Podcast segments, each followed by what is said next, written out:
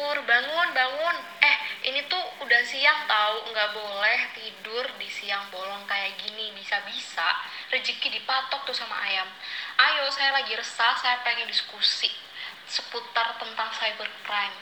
Karena uh, saya lagi nemu nih uh, temuan dari BSSN di mana ada serangan virtual yang berlangsung di tahun 2020 terhitung dari 1 Januari sampai 12 April by pemantauan Pusat Operasi Keamanan Cyber Nasional BSSN ada sekitar 88 juta 400-an kasus serangan cyber di Indonesia. Kok bisa gitu loh Kang?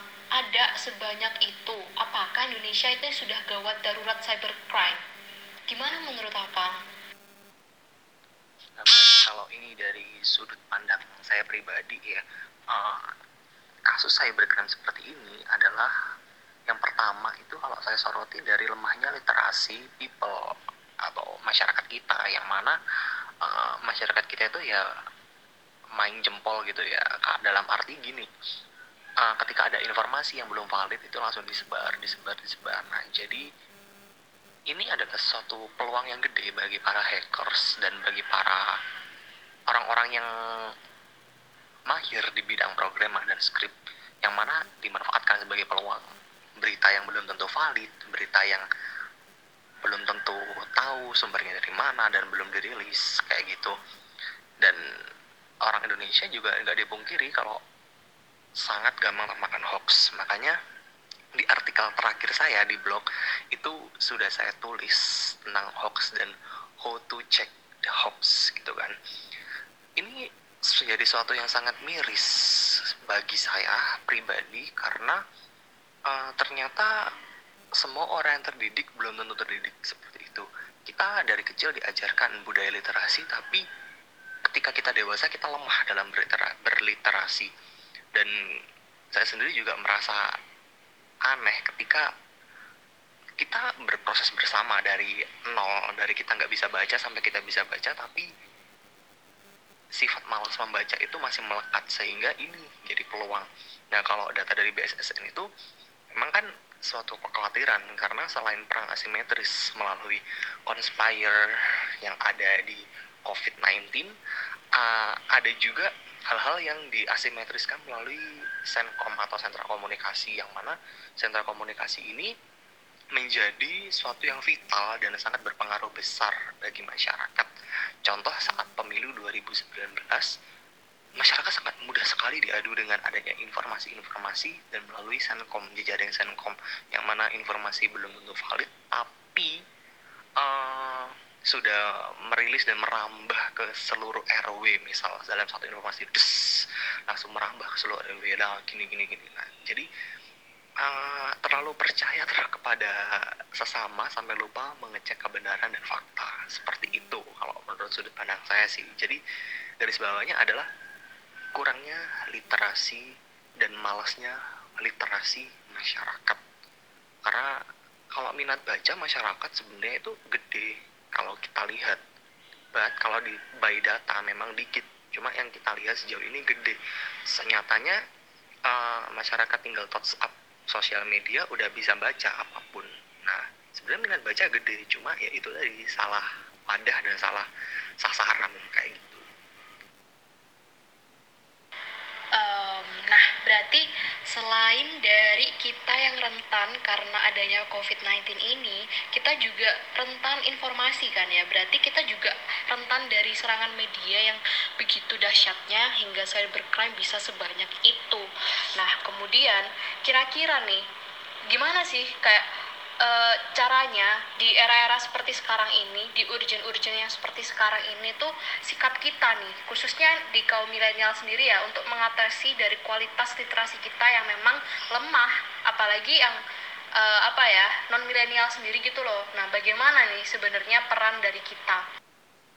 Ya, kalau kita ngomongin soal peran, pastinya sangat penting karena kalau dilihat disorot sampai 10 tahun ke depan, Indonesia kan bakal memetik yang namanya bonus demografi kan. Kalau menurut datanya dari BKKBN kayak gitu kan.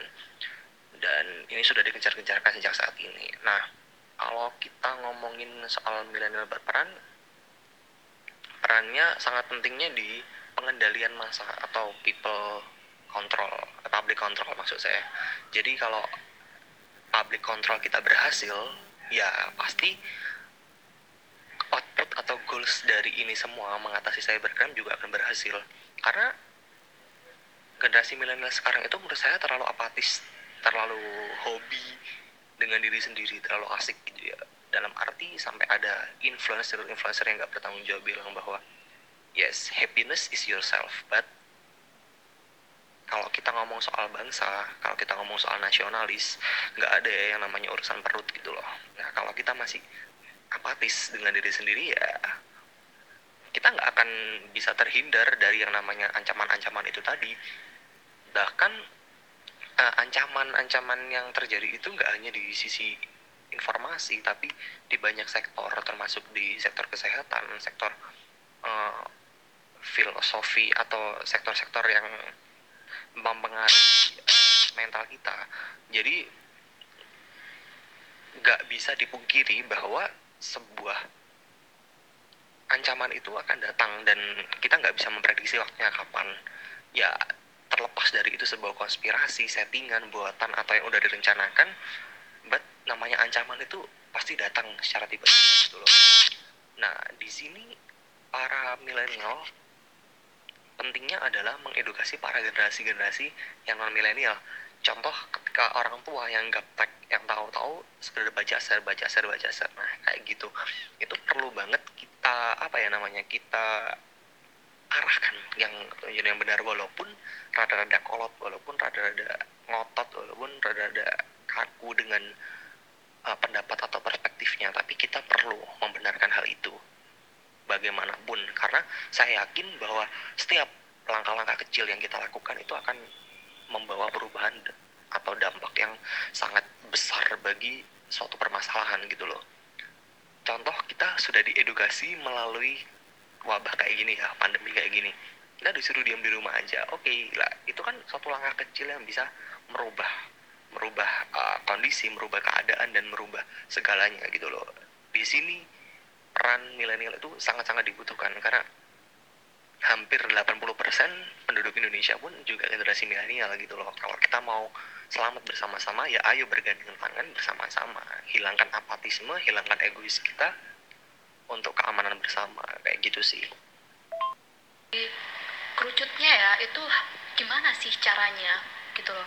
Karena sejauh ini kayak uh, dari opini dari Kang Kasur kan bilang kalau misalkan minat baca di Indonesia itu udah tinggi.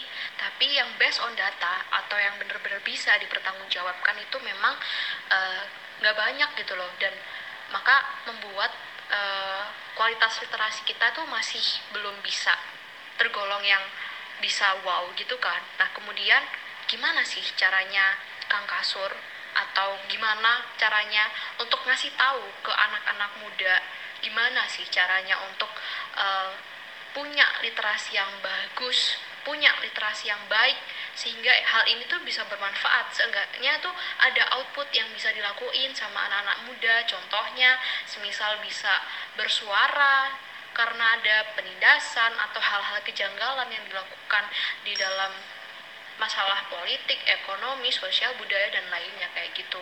Karena sejauh ini memang ketika kita kurang literasi, maka kita akan kurang ngomong juga, kurang bersuara juga. Jadi kayak powerless gitu loh. Itu kalau dari uh, aku sih, Kang. Literasi ya kita harus mau yang namanya merendahkan diri dulu. Dalam arti merendahkan diri adalah kita lunturkan apa yang kita tahu. Jadi kita kosongkan gelas kita seolah-olah kita nggak tahu apa-apa dan kita butuh. Jadi konsepsi atau dasar dari sebuah membaca itu adalah kita dari tidak tahu menjadi tahu bukan dari kita tahu menjadi lebih tahu. Salah betul karena kalau gelas sudah berisi ya bakal tumpah gitu dan bakal hilang. Yang udah kita tampung itu bakal hilang gitu loh. Nah kita harus mau mengosongkan gelas diri kita dulu.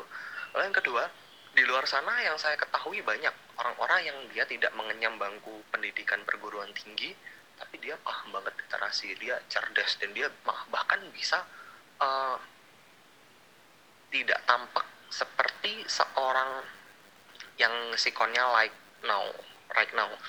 Jadi gini karena apa? Dia sering membaca, dia tahu dan dia paham bahwa membaca itu adalah jendela dunia dan bahwa dia tahu kalau dengan membaca dia akan mendapatkan banyak wawasan gitu kan. Nah, kenapa orang-orang sekarang banyak yang jarang mau bersuara? Karena apatisme itu tadi dan yang kedua adalah egoisme diri masing-masing yang mana egoisme itu uh, mempengaruhi banget gitu loh jadi kalau ketika orang-orang nggak mau bersuara kayak bilang ya wis lah diam aja daripada ribut gitu ya emang itu penting tapi kalau untuk kepentingan bersama why not gitu loh. Itu kan sangat-sangat apa ya namanya sangat-sangat dibutuhkan. Apalagi di era-era kejanggalan-kejanggalan yang uh, sangat banyak ancaman-ancaman yang tak terdeteksi dan sebagainya kayak gitu. Dan orang-orang perlu diedukasi tentang masalah privacy dan data sih lebih tepatnya. Karena setahu saya kalau cybercrime itu nerobosnya itu nggak cuma uh, hosting tapi bisa nerobos ke rekening bisa nerobos ke data bisa merobos ke privacy peranan publik dan bahkan berujung ke pemfitnahan. Nah dari hal-hal itu kita perlu belajar bahwa suatu kejahatan itu nggak akan berhenti jika kita terus-terusan menjadi orang yang kolot dan terus-terusan menjadi orang yang diam saja gitu loh. Jadi jangan pernah takut bersuara dan jangan pernah malas untuk membaca karena dua hal itu sangat penting dan dua hal itu sangat-sangat dibutuhkan untuk mengatasi sebuah ancaman apalagi ancaman global kayak gini. Nah kalau untuk bersuara teman-teman nggak perlu ngomong di sosmed yang koar-koar yang bikin thread yang ABCD gitu nggak perlu. Teman-teman bisa dengan cara menulis. Menulis di mana? Di rubrik opini media juga bisa. Menulis mengirimkan artikel di mana juga bisa. Atau mungkin kalau pengen kecil-kecilan di blog pribadi itu juga malah bagus di share. Karena berbagi ilmu itu dan berbagi informasi itu nggak harus dengan cara yang ribet gitu loh. Dengan cara-cara yang simpel. Mungkin teman-teman nggak bisa ngomong di depan publik ya teman-teman nulis kayak gitu. Itu satu-satunya cara yang paling-paling simpel yang bisa dilakukan. Lalu untuk uh, kalau misal teman-teman pede sebagai seorang vlogger ya bersuara kayak Mbak Nana contohnya yang bisa yang berani sekali gitu loh. Dia seorang jurnalis tapi berani. Dia tidak memihak petahana maupun oposisi yang mana dia sangat berani menyuarakan kekhawatirannya gitu loh. Nah kalau kita berani seperti itu ya otomatis orang akan segan pada kita dan informasi serta literasi hoax yang disebar ke kita akan otomatis hilang gitu loh. Karena tipikalnya orang-orang kita Nusantara itu adalah dapat info wah menyulut-nyulut nih sebar kayak gitu. Kan padahal kita juga perlu yang namanya analisis dan identifikasi informasi supaya uh, lebih relevan dan lebih valid ya valid lebih apa ya lebih terpercaya lebih aktual kayak gitu. Karena sekarang pun bukti dalam bentuk video pun juga kurang bisa dipertanggungjawabkan gitu loh. Keterangannya bisa dialihkan menjadi keterangan yang sangat aneh-aneh gitu loh jadi itu sih saran dari saya kalau teman-teman mau mengatasi ini bersama-sama ya maka ayo bergandeng tangan dan mari kita mengosongkan gelas kita masing-masing untuk keamanan diri kita dan untuk keamanan bersama. Oke, ada beberapa note yang udah saya dapat dari Kang Kasur, di mana pertama yaitu um, kita harus mengkosongkan uh, pikiran kita, otak kita untuk bisa mendapatkan informasi sebanyak-banyaknya dan bagaimana kita mendapatkan informasi yang bisa dipertanggungjawabkan yang kemudian kita bisa uh, keluarkan itu dengan berupa output-output yang bisa kita lakukan. Kalau kita bisa public speaking, kita speak up. Kalau kita bisa nulis, kita tulis. Kalau bisa kita apa pun yang bisa kita lakukan sesuai dengan potensi kita gitu ya, Kang Kasur ya. Kita tahu bahwa hari ini spesial Hari Pendidikan Nasional. Dan kita sudah mendiskusikan ya lumayan banyak hal ya. Kita udah bahas seputar uh, literasi kita sudah bahas seputar cybercrime dan kita sudah bahas uh, bagaimana sih peran-peran pemuda saat ini. Nah khususnya kan sekarang memang uh, media adalah uh, sebuah dunia yang ada di dalam diri kita. Karena kita juga menghadapi pandemi virus corona sekarang gitu. Apa sih pesan Kang Kasur nih?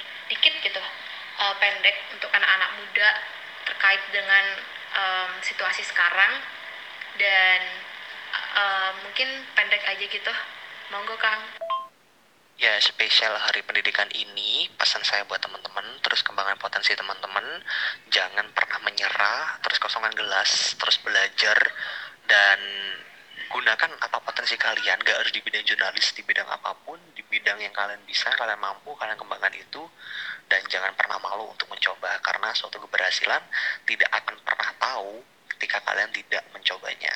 Akhir kata, terima kasih, semangat terus, dan jangan pernah kehilangan harapan.